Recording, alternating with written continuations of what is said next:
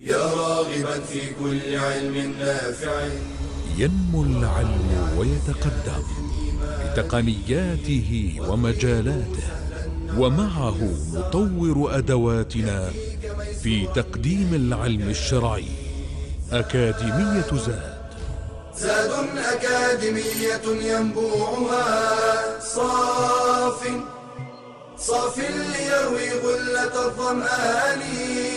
هذا كتاب الله روح قلوبنا. خير الدروس تعلم القرآن.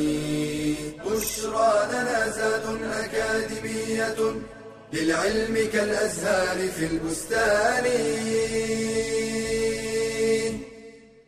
الحمد لله رب العالمين. أحمده سبحانه وتبارك وتقدس حمدا كثيرا طيبا مباركا فيه. وأصلي وأسلم على سيدي رسول الله. اللهم صل وسلم وبارك على عبدك ورسولك محمد وعلى آله وأصحابه أجمعين. سبحانك لا علم لنا إلا ما علمتنا إنك أنت العليم الحكيم. اللهم علمنا ما ينفعنا وانفعنا بما علمتنا وزدنا علما. ما شاء الله كان. ونعوذ بالله من حال أهل النار. اللهم لا سهل إلا ما جعلته سهلا وأنت تجعل الحزن إذا شئت سهلا. اللهم ارزقنا الإخلاص والتوفيق والقبول والعون إنك على ذلك قدير. ثم أما بعد أيها المباركون السلام عليكم ورحمة الله وبركاته. أهلا وسهلا ومرحبا بكم في هذا اللقاء المتجدد معكم الذي نعيش وإياكم فيه مع كتاب الله تبارك وتعالى. هذا اللقاء الذي هو آخر لقاء سنعيش فيه معكم في هذه الدورة الثانية وفي هذا المستوى. نسأل الله تبارك وتعالى بأسمائه الحسنى وصفاته العلى ألا يجعله آخر العهد بكم. ونسأل الله تبارك وتعالى أن يجعلنا وإياكم متحابين متعاونين على البر والتقوى. أحبتي الكرام نحن كما تعلمون نعيش وإياكم مع سورة المطففين. وكان اللقاء الماضي قد ختمناه بذكر الله تبارك وتعالى لكتاب الأبرار وحكمه الذي لا يغير ولا يبدل أن كتاب الأبرار في عليين. وأن هذا الكتاب كتاب مرقوم مختوم مكتوب فيه أعمالهم ثم فضلهم وشرفهم سبحانه عز وجل فجعل ذلك الكتاب الذي كتبت فيه تلك الأعمال الطيبة وكانت فيه تلك الأرواح الطيبة يشهده المقربون. صفوة خلق الله عز وجل يشهدون ذلك الكتاب الذي كتبت فيه تلك الأعمال الطيبة وسطرت فيه تلك الأعمال الصالحة. أسأل الله أن يجعل كتابي وكتبكم أجمعين من تلك الكتب التي في عليين. قال بعدها سبحانه عز وجل وهو يحكي لنا شيئا من نعيم هؤلاء الأبرار. قال تبارك وتعالى إن الأبرار لفي نعيم. الله. إن الأبرار هؤلاء الأبرار قلنا جمع بر هذا الإنسان المتقي لله الذي فعل الطاعات وابتعد عن المعاصي والسيئات لم يتعدى حدود الله عز وجل. ولاحظ كلمة البر أصلا تحوي كل خصال الخير جامعة لكل خصال الخير. كأن الله عز وجل قد وفق هذا العبد ووفق هذه المرأة فضربت في كل باب من أبواب الخير بسهم. إن الأبرار هؤلاء الأبرار في نعيم. والله هم في نعيم في الدنيا وهم في نعيم في قبورهم وهم في نعيم بين يدي ربهم. تبارك وعز وجل إن الأبرار لفي نعيم. يا ربي اذكر لنا شيئا من نعيم هؤلاء. فقال تبارك وعز وجل على الأرائك ينظرون الله.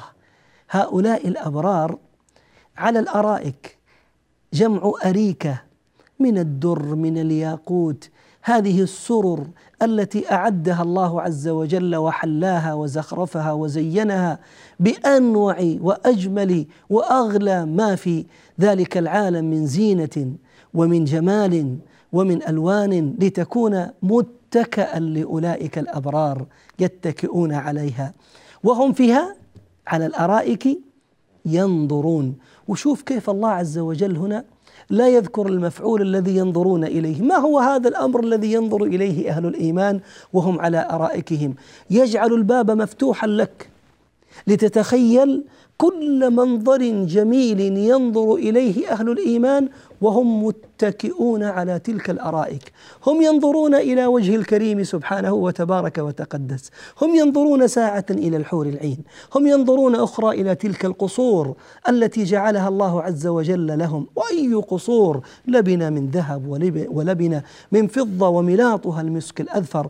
هم ينظرون إلى تلك الحدائق الغناء التي جعلها الله تبارك وتعالى لهم فيها الشجرة الواحدة يسير الراكب فيها مئة عام فلا يقطعها. هم ينظرون إلى تلك الخيل التي أعطاهم الله عز وجل إياها. هم ينظرون إلى تلك الأرض التي يسيرون عليها حصباؤها اللؤلؤ والياقوت والمرجان. هم ينظرون إلى أنواع وأصناف الأطعمة التي ما يخطر في بال المؤمن شيء منها دون أن يتكلم إلا وتجد تجد ذلك الأمر الذي خطر على على على عقله على ذهنه موجودا بين يديه بكلمة واحدة دعواهم فيها سبحانك اللهم وتحيتهم فيها. سلام. اذا هم ينظرون لكل هذا النعيم فيغفر الله ويبعد الله عز وجل هذا المفعول ليبقى العقل سائرا في كل أنواع النعيم الذي في هو في الجنة وينظر إليه المؤمن من حوله. جعلنا الله وإياكم من هؤلاء. على الأرائك ينظرون. ثم إذا نظرت إلى محيي الواحد منهم يقول الله تعرف في وجوههم نظرة النعيم. الله لك أن تتخيل وأنت تنظر ولله المثل الأعلى. رجل من أهل الدنيا ممن أعطاها الله عز وجل المليارات والقصور والجاه وهو في لحظة من لحظات سعادته إن وجد لحظة من تلك اللحظات. شفت تلك النظرة وذلك البهاء وذاك الصفاء وتلك الاستدارة والإنارة التي تكون في وجهه؟ والله لا شيء. أمام تلك النظرة التي جعلها الله تبارك وتعالى ذلك النور ذلك الإشراق ذلك البهاء الذي نعم الله عز وجل به أهل الإيمان فجعل وجوههم مشرقة بذلك الضياء. الله لا يحرمنا وإياكم من فضله. فإذا نظرت إليهم تعرف بمجرد النظرة تعرف في وجوههم نظرة النعيم. نظرة النعيم لأنهم يعيشون في النعيم. فماذا تتوقع؟ أن تكون يعني أن يكون مرسوما على على على محيي الواحد منهم. وذاك لا شك ناتج عن ذاك الرضا الذي ملأ قلوبهم بعطاء الحق تبارك وتعالى لهم. يا عبادي هل أرضيتكم؟ قالوا نعم ربي. كيف لا يرضون؟ وهم يرون النعيم في كل مكان الذي أعطاهم الله تبارك وعز وجل. تعرف في وجوههم نظرة النعيم. زدنا يا رب.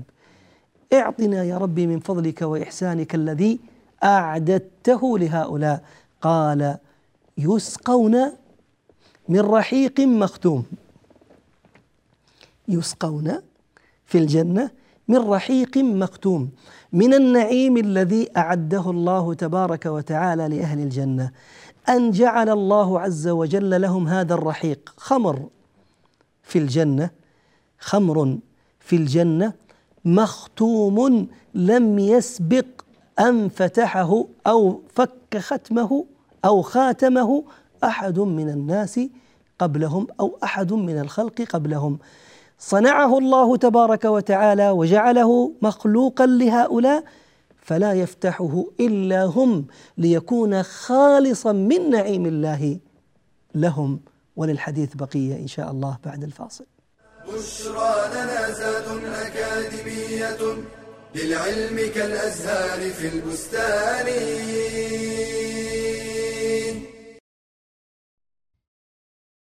أين أنت من العلم؟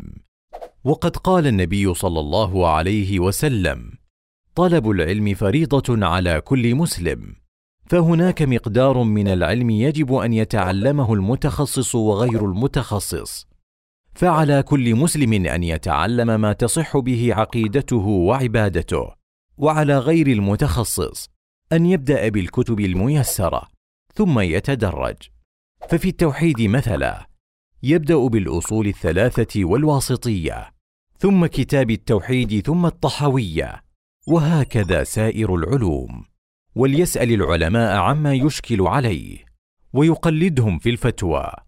لقوله تعالى فاسألوا أهل الذكر إن كنتم لا تعلمون. وليتواصل مع طالب علم متخصص ليشرح له ما صعب عليه فهمه إذ لا يتيسر له التواصل مع العلماء في كل حين. وليهتم بوسائل التقنية الحديثة لتعوض انشغاله عن حضور مجالس العلم. أو الالتحاق بالكليات الشرعية ويحتاج غير المتخصص إلى علو الهمة وقوة العزيمة فمع ضيق الوقت لن يحصل العلم إلا بالمواصلة والاستمرار وليستفد من تخصصه في إتقان العلم الشرعي فالطبيب مثلا تسهل عليه مسائل الحمل والجراحات والمهندس تسهل عليه الفرائض لإتقانه الرياضيات وليسخر ذكاءه في فهم دينه وخدمته. قال تعالى وتلك الأمثال نضربها للناس وما يعقلها إلا العالمون.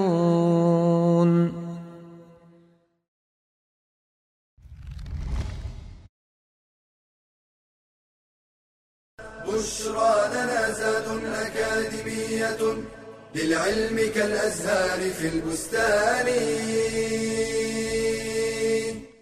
حياكم الله أيها الكرام. أهلا وسهلا ومرحبا بكم. عدنا إليكم بعد الفاصل وكنا نتحدث عن شيء من النعيم العظيم الذي جعله الله تبارك وعز وجل لأهل الجنة. فجعل لهم تبارك وتعالى تلك الخمر التي هي ليست كخمر الدنيا لا في طعمها ولا في لونها ولا في عياذا بالله إذهابها لعقول شاربيها. لا لا لا, لا تماثل خمر الدنيا في شيء من صفاتها. وإنما أكرم الله عز وجل بها أهل الإيمان زيادة في نعيمهم.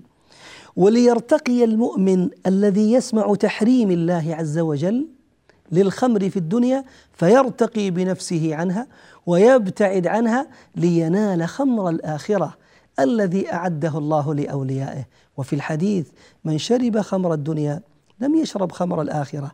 إذا وقع ذاك في قلب المؤمن فاستشعره كان ذلك مبعدا له عن هذه الخمر المنتنة القذرة التي عياذا بالله تذهب بالعقول. الله عز وجل يكرمك يا عبد الله ويجعل لك هذه الخمر في في في في في الآخرة. بل جعل الله عز وجل في الجنة نهرا من الخمر. نهرا يسير. وهذا النهر يمر تحت كل قصر ولي من أولياء الله تبارك وتعالى مع تلك الأنهار الأخرى من اللبن من الماء من العسل. يا الله إنه فضل الله الواسع العظيم. اذا هؤلاء أهل الإيمان يسقون من رحيق خمر مختوم لم يفك لم يبعد ختمه أو خاتمه كما في بعض القراءات أحد من الخلق قبلهم اطلاقا. ختامه أو خاتمه مسك. خاتمة هذا الشراب الذي يبقى في آخر الإناء عند عند عند شربه مسك. وليس كخمر الدنيا يكون آخرها أقذر ما فيها. لا. بل خاتمه ختامه مسك خالص. جعلها الله تبارك وتعالى بهذه المثابة بهذه الهيئة بهذه الرائحة الجميلة بهذا الزكاء النقاء إكراما لأوليائه ولأصفيائه. ختامه مسك. ثم اسمع. إلى الدعوة من رب العزة والجلال. قال وفي ذلك. فليتنافس المتنافسون. يا أولياء الله يا أحباب الله يا عباد الله هذا النعيم المقيم الذي جعله الله تبارك وتعالى في الجنة. هذا هو الذي يستحق منا أن نتنافس. لا التنافس على أمر الدنيا وحطامها الزائل الذاهب. الله يقول وفي ذلك ها وانظر إلى إلى إلى يعني هذه الإشارة ذلك الذي يرفعه الله عز وجل يرتقي بهذا النعيم إلى فوق للأعلى وفي ذلك أي في ذلك النعيم العالي فليتنافس المتنافسون. إذا أردت المنافسة فتنافس في هذا المضمار وفي هذا الميدان. بماذا؟ بالعمل الصالح. إياك أن يسبقك أحد من الناس إلى الله عز وجل بل لتكن أنت السابق لغيرك من الناس. والله كان هكذا السلف. والله كانوا يتنافسون منافسة عجيبة. يذكر عن أحد السلف أنه تأخر لعذر في يوم من الأيام عن صلاة العشاء فخرج من بيته وقد صلى أهل المسجد القريبين منه صلاة العشاء. فأخذ يطوف في مدينته يبحث عن مسجد من المساجد لعله أن يجد فما وجد مسجدا.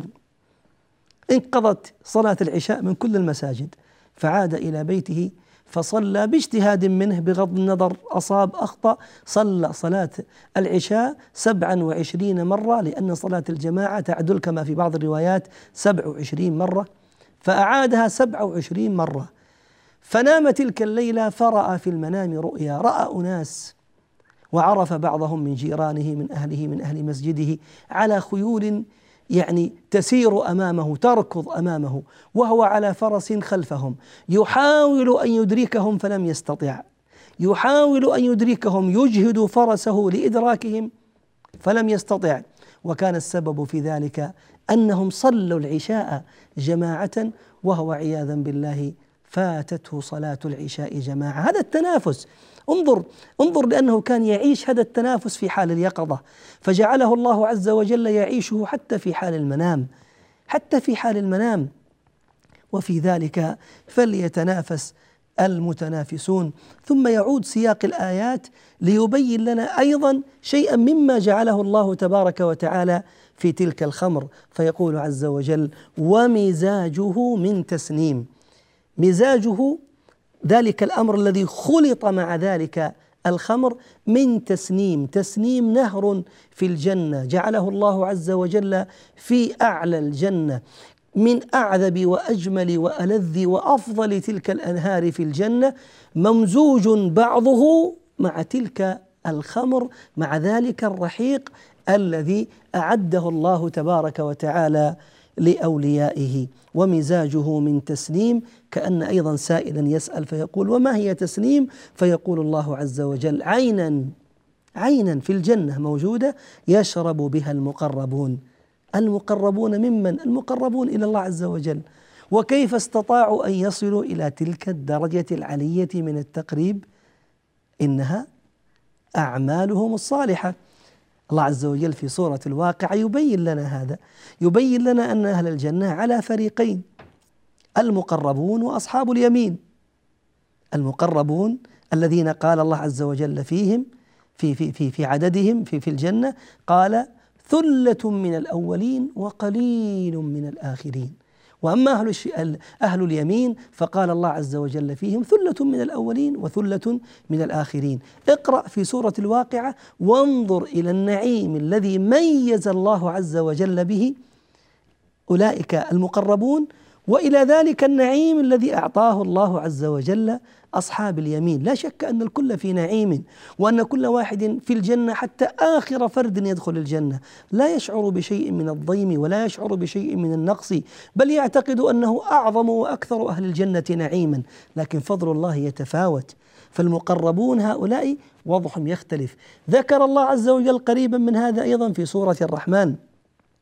فبين سبحانه عز وجل أن في في في الجنة أن فيها جنتان جنة فيها نعيم وجنة فيها نعيم لكنه أقل أقل من النعيم الأول. تأمل واقرأ تدبر في كتاب الله لتعرف ذا لماذا هذا لماذا يذكره الله عز وجل؟ وفي ذلك فليتنافس المتنافسون.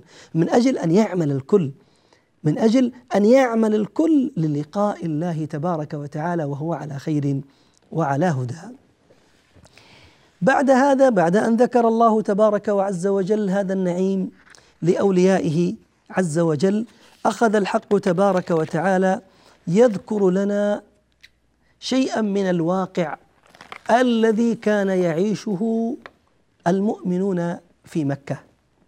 يذكر لنا تبارك وتعالى شيئا من الواقع المر شيئا من الواقع الأليم الذي كان يكابده ويعانيه المؤمنون في أول إسلامهم في مكة على يد من؟ على يدي أعداء الله عز وجل من المشركين. فيقول تبارك وتعالى إن الذين أجرموا كانوا من الذين آمنوا يضحكون.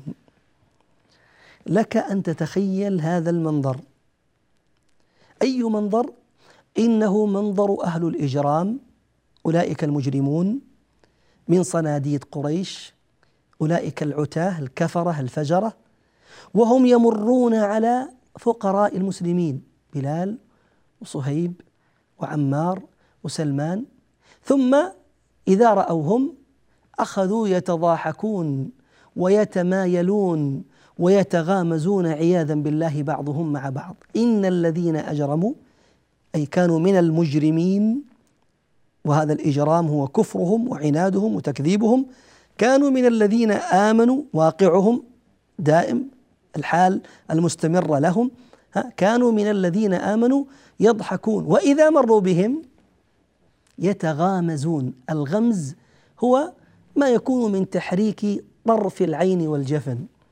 فيغمز بعضهم لبعض أي هؤلاء نعوذ بالله الكفار وللحديث بقية إن شاء الله بعد الفاصل.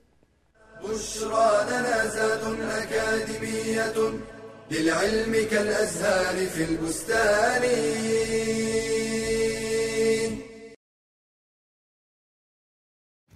ربما تحب أحد الأبناء أو البنات أكثر من إخوتهما إما لبره أو أدبها أو غير ذلك ولكن هل يجوز أن تفضل من تحب في العطية وتخصه بالهدايا دون الآخرين لنستمع إلى هذه القصة التي جرت للصحابي الجليل النعمان بن بشير يقول رضي الله عنه سألت أمي أبي بعض الموهبة لي من ماله فوهبها لي فقالت لا أرضى حتى تشهد النبي صلى الله عليه وسلم فأخذ بيدي وأنا غلام فأتى بي النبي صلى الله عليه وسلم فقال له يا بشير ألك ولد سوى هذا قال نعم. فقال اكلهم وهبت له مثل هذا. قال لا. قال فلا تشهدني إذن فإني لا أشهد على جور. ففي هذا الحديث تحذير من تفضيل أحد الأبناء على إخوته وأنه من الجور والظلم. ولم يفرق بين الذكر والأنثى. وذلك لما يؤدي إليه من الكراهية والنفور بينهم. ولا حرج في الميل القلبي لأحد الأولاد دون غيره لأن ذلك أمر ليس في مقدور العبد. وإنما الذي يحرم أن يفضل المحبوب على غيره بالعطايا دون سبب شرعي. فإن حصل مثل هذا التفضيل وجب رد العطية أو إعطاء الآخرين مثل أخيهم. ويجوز التفضيل بين الأولاد. إذا كانت هناك أسباب وجيهة تدعو إلى ذلك كأن يخص أحد أولاده لمرض أصابه أو فقر وحاجة ألمت به أو لاشتغاله بطلب العلم ونحوه من الفضائل. وللوالد أن يمنع العطية عمن يستعين بها على معصية الله تعالى ويعطيها لمن يستحقها. قال تعالى وتعاونوا على البر والتقوى ولا تعاونوا على الإثم والعدوان واتقوا الله إن الله شديد العقاب.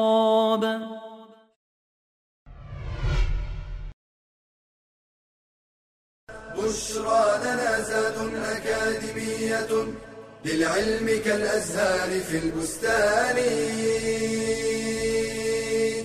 حياكم الله أيها الأحبة. أهلا وسهلا ومرحبا بكم. عدنا إليكم بعد الفاصل. وكنا نتحدث عن حال أولئك المجرمين مع المؤمنين. حال أولئك أهل الإجرام مع أهل الإيمان في العهد المكي في ابتداء إسلامهم. وكان هؤلاء كما ذكرنا هم من فقراء المسلمين من بسطائهم بلال وصهيب وسلمان وعمار. فإذا مر بهم زعماء وصناديد قريش من أهل الشرك يضحكون بل ويتغامزون. والغمز كما قلنا هو تحريك طرف العين مع الجفن. ويستخدم الغمز في التنقص من الآخرين. الغمز يستخدم من أجل التنقص من الآخرين وحالهم كان كذلك عياذا بالله فإن حالهم كانت تنقص من هؤلاء المؤمنين والاستهزاء بهم والسخرية منهم كونهم هم أتباع النبي صلى الله عليه وسلم ولم يتبعه عليه الصلاة والسلام إلا هؤلاء الفقراء هؤلاء البسطاء. فيقول تعالى إن الذين أجرموا كانوا من الذين آمنوا يضحكون وإذا مروا بهم يتغامزون. ثم وإذا انقلبوا إلى أهلهم إذا رجعوا إلى أهلهم من؟ أهل الكفر. صناديد قريش هؤلاء المعاندين المكذبين. وإذا انقلبوا إلى أهلهم انقلبوا فكهين. يعني حالهم حالهم أي هؤلاء الكفار هؤلاء المجرمون أنهم بعد أن يفعلوا هذه الفعل النكراء من الاستهزاء والسخرية بفقراء المسلمين فيضحكون منهم ويأخذون في الغمز واللمز بهم ها؟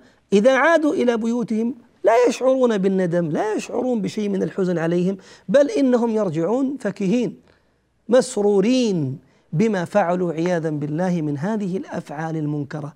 وهذا يدل على على عياذا بالله استمرائهم لهذا الأمر وأن هذا الأمر من الأمور المحببة إلى نفوسهم. أعني ضحكهم واستهزاؤهم وغمزهم ولمزهم لأهل الإيمان. هذا من الأمور المحببة إليهم وكأنهم بذلك قد أنجزوا ها انجازا عظيما وأدوا امرا كبيرا. ولهذا ينقلبون إلى أهلهم فكهين مسرورين فرحين بما فعلوا عياذا بالله مع أهل الإيمان. وإذا رأوهم إذا رأوهم يعني إذا رأى هؤلاء المجرمون إذا رأوا أهل الإيمان قالوا إن هؤلاء لضالون وأهل الإيمان يسمعون ذلك أو ربما لا يسمعون لكنهم يطلقون عليهم هذه الكلمة أنهم ضالون لماذا؟ لأنهم فارقوا دين آبائهم وأجدادهم فيعتبرون أن مفارقة هؤلاء المؤمنين لدين آبائهم وأجدادهم وما هم عليه أعني صناديد وكفار قريش هؤلاء المكذبين لأن هؤلاء المؤمنين فارقوا دينهم يعتقدون أنهم بهذه المفارقة قد وقعوا في الضلال والحال أن الضلال هم من يعيش فيه وأنهم يعيشون عيشة الضالين هم. ولكن عياذا بالله القلوب المظلمة التي طمس عليها الكفر فما عاد تستطيع التفرقة بين الحق والباطل كما ذكرنا قبل قليل كلا بل ران على قلوبهم ما كانوا يكسبون. فيكون هذا الران سواد الظلمة التي تطبع على القلب فما عاد يفرق بين الحق والباطل. وإن كان هو على الباطل يرى أن غيره عياذا بالله على الباطل. وإذا رأوهم قالوا إن هؤلاء لضالون. قال الله وما أرسلوا عليهم حافظين. الحال أن الله عز وجل لم يوكل هؤلاء بحفظ هؤلاء يعني لم يوكل هؤلاء المجرمين بحفظ هؤلاء المؤمنين. وأن يكونوا أوصياء عليهم. ليبقوهم على على دينهم الفاسد على ملة آبائهم وأجدادهم. ليس لهم في ذلك أدنى أمر. فإن الله عز وجل قد أنار بصائر هؤلاء وهدى قلوبهم وشرح صدورهم وجعلهم على الخير مقبلين وعن الشر بعيدين. فذلك فضل صاحب الفضل وكرم صاحب الكرم سبحانه وتبارك وتقدس. ثم يبين عز وجل ما الذي سيكون عليه الحال في يوم غير اليوم وفي واقع غير الواقع. نحن الآن في هذه الدنيا الذي حصل أن هؤلاء المجرمين كانوا إذا مروا على الذين آمنوا يضحكون ويغمزون وإذا رأوهم قالوا إن هؤلاء لضالون. هذا في الدنيا.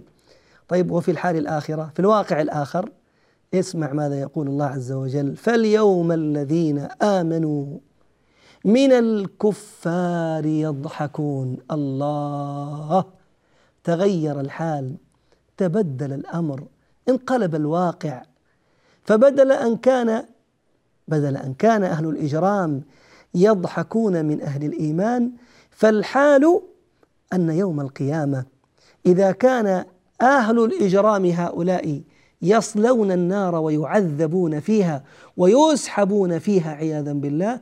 فرأى المؤمنون حال هؤلاء المجرمين فإن المؤمنين يضحكون منهم. فالجزاء من جنس العمل.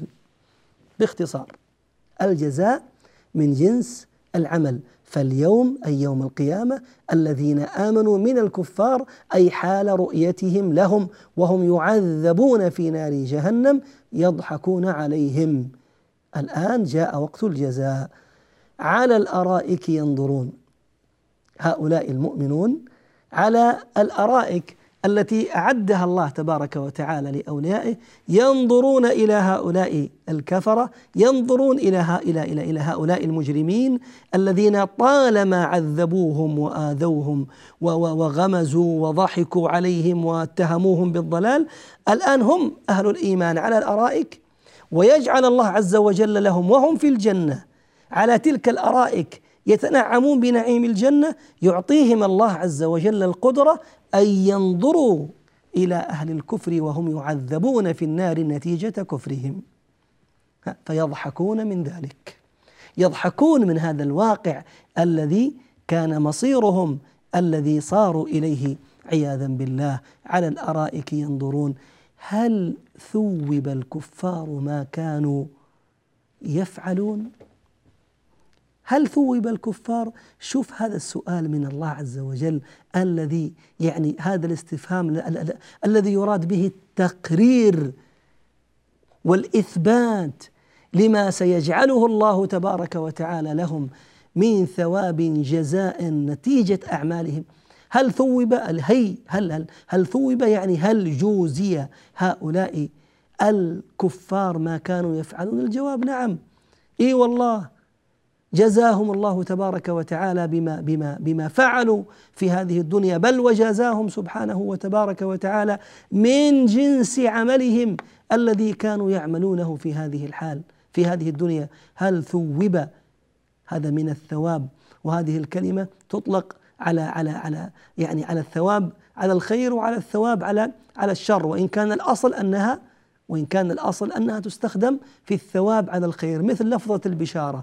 الأصل أنها تستخدم في الخير وقد تستخدم أحيانا في الباب الآخر عياذا بالله في البشارة بالسوء. فالله عز وجل يقول هل ثوب هؤلاء؟ هل وجدوا ثواب أعمالهم؟ هل جوزوا على على ما فعلوا من استهزاء وسخرية وضحك واتهام للمؤمنين بالضلال؟ هل ثوب الكفار ما كانوا يعملون؟ نعم والله.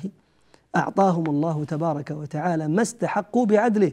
سبحانه وعز وجل وأعطى تبارك وتعالى أهل الإيمان ما استحقوا وفوق ذلك بفضله ورحمته تبارك وعز وجل. نكون بهذا أيها الكرام أيها المباركون قد ختمنا بفضل الله عز وجل هذه الدورة. أوصي نفسي وإخواني وأخواتي بمواصلة الطلب من خلال المراجعة لما سبق وبين سواء في مادة التفسير أو في غيرها من المواد الأخرى. لا يقف طالب العلم عند حد معين وينقطع. لا يمكن أن يبقى طالب العلم على حال فهو إما أن يتقدم وإما أن يتأخر. إن لم تسترجع دروسك إن لم تنظر فيها إن لم تستزد من المعارف الأخرى فإنك بلا شك ستتأخر. فاختر إما التقدم الله يجعلنا وإياكم من المتقدمين وإما عياذا بالله بالتقهقر والرجوع للخلف وصيتي لنفسي وإخواني المثابرة والجد والاجتهاد فمع كثرة ما ستجدون من التعب اعلم أن الثمرة ستكون أكبر في الدنيا وفي الآخرة. في الآخرة ثواب الله الجزيل وأجره العظيم وفي الدنيا بما سيكون لك من العلم النافع الذي ترفع به بإذن الله عز وجل في دنياك قبل أخراك. أسأل الله لي ولكم التوفيق، أسأل الله يجمعنا وإياكم مرات وكرات على هذه الدروس النافعة وأن يبارك لنا فيما نقول وفيما نسمع. وصل اللهم وسلم وبارك على سيدنا محمد وعلى آله أجمعين. وأستودعكم الله الذي لا تضيع ودائعه. تلك العلوم دروسها ميسورة في صرح علم الراسخ الأركان. بشرى لنا بشرى لنا بشرى لنا زاد أكاديمية للعلم كالأزهار في البستان.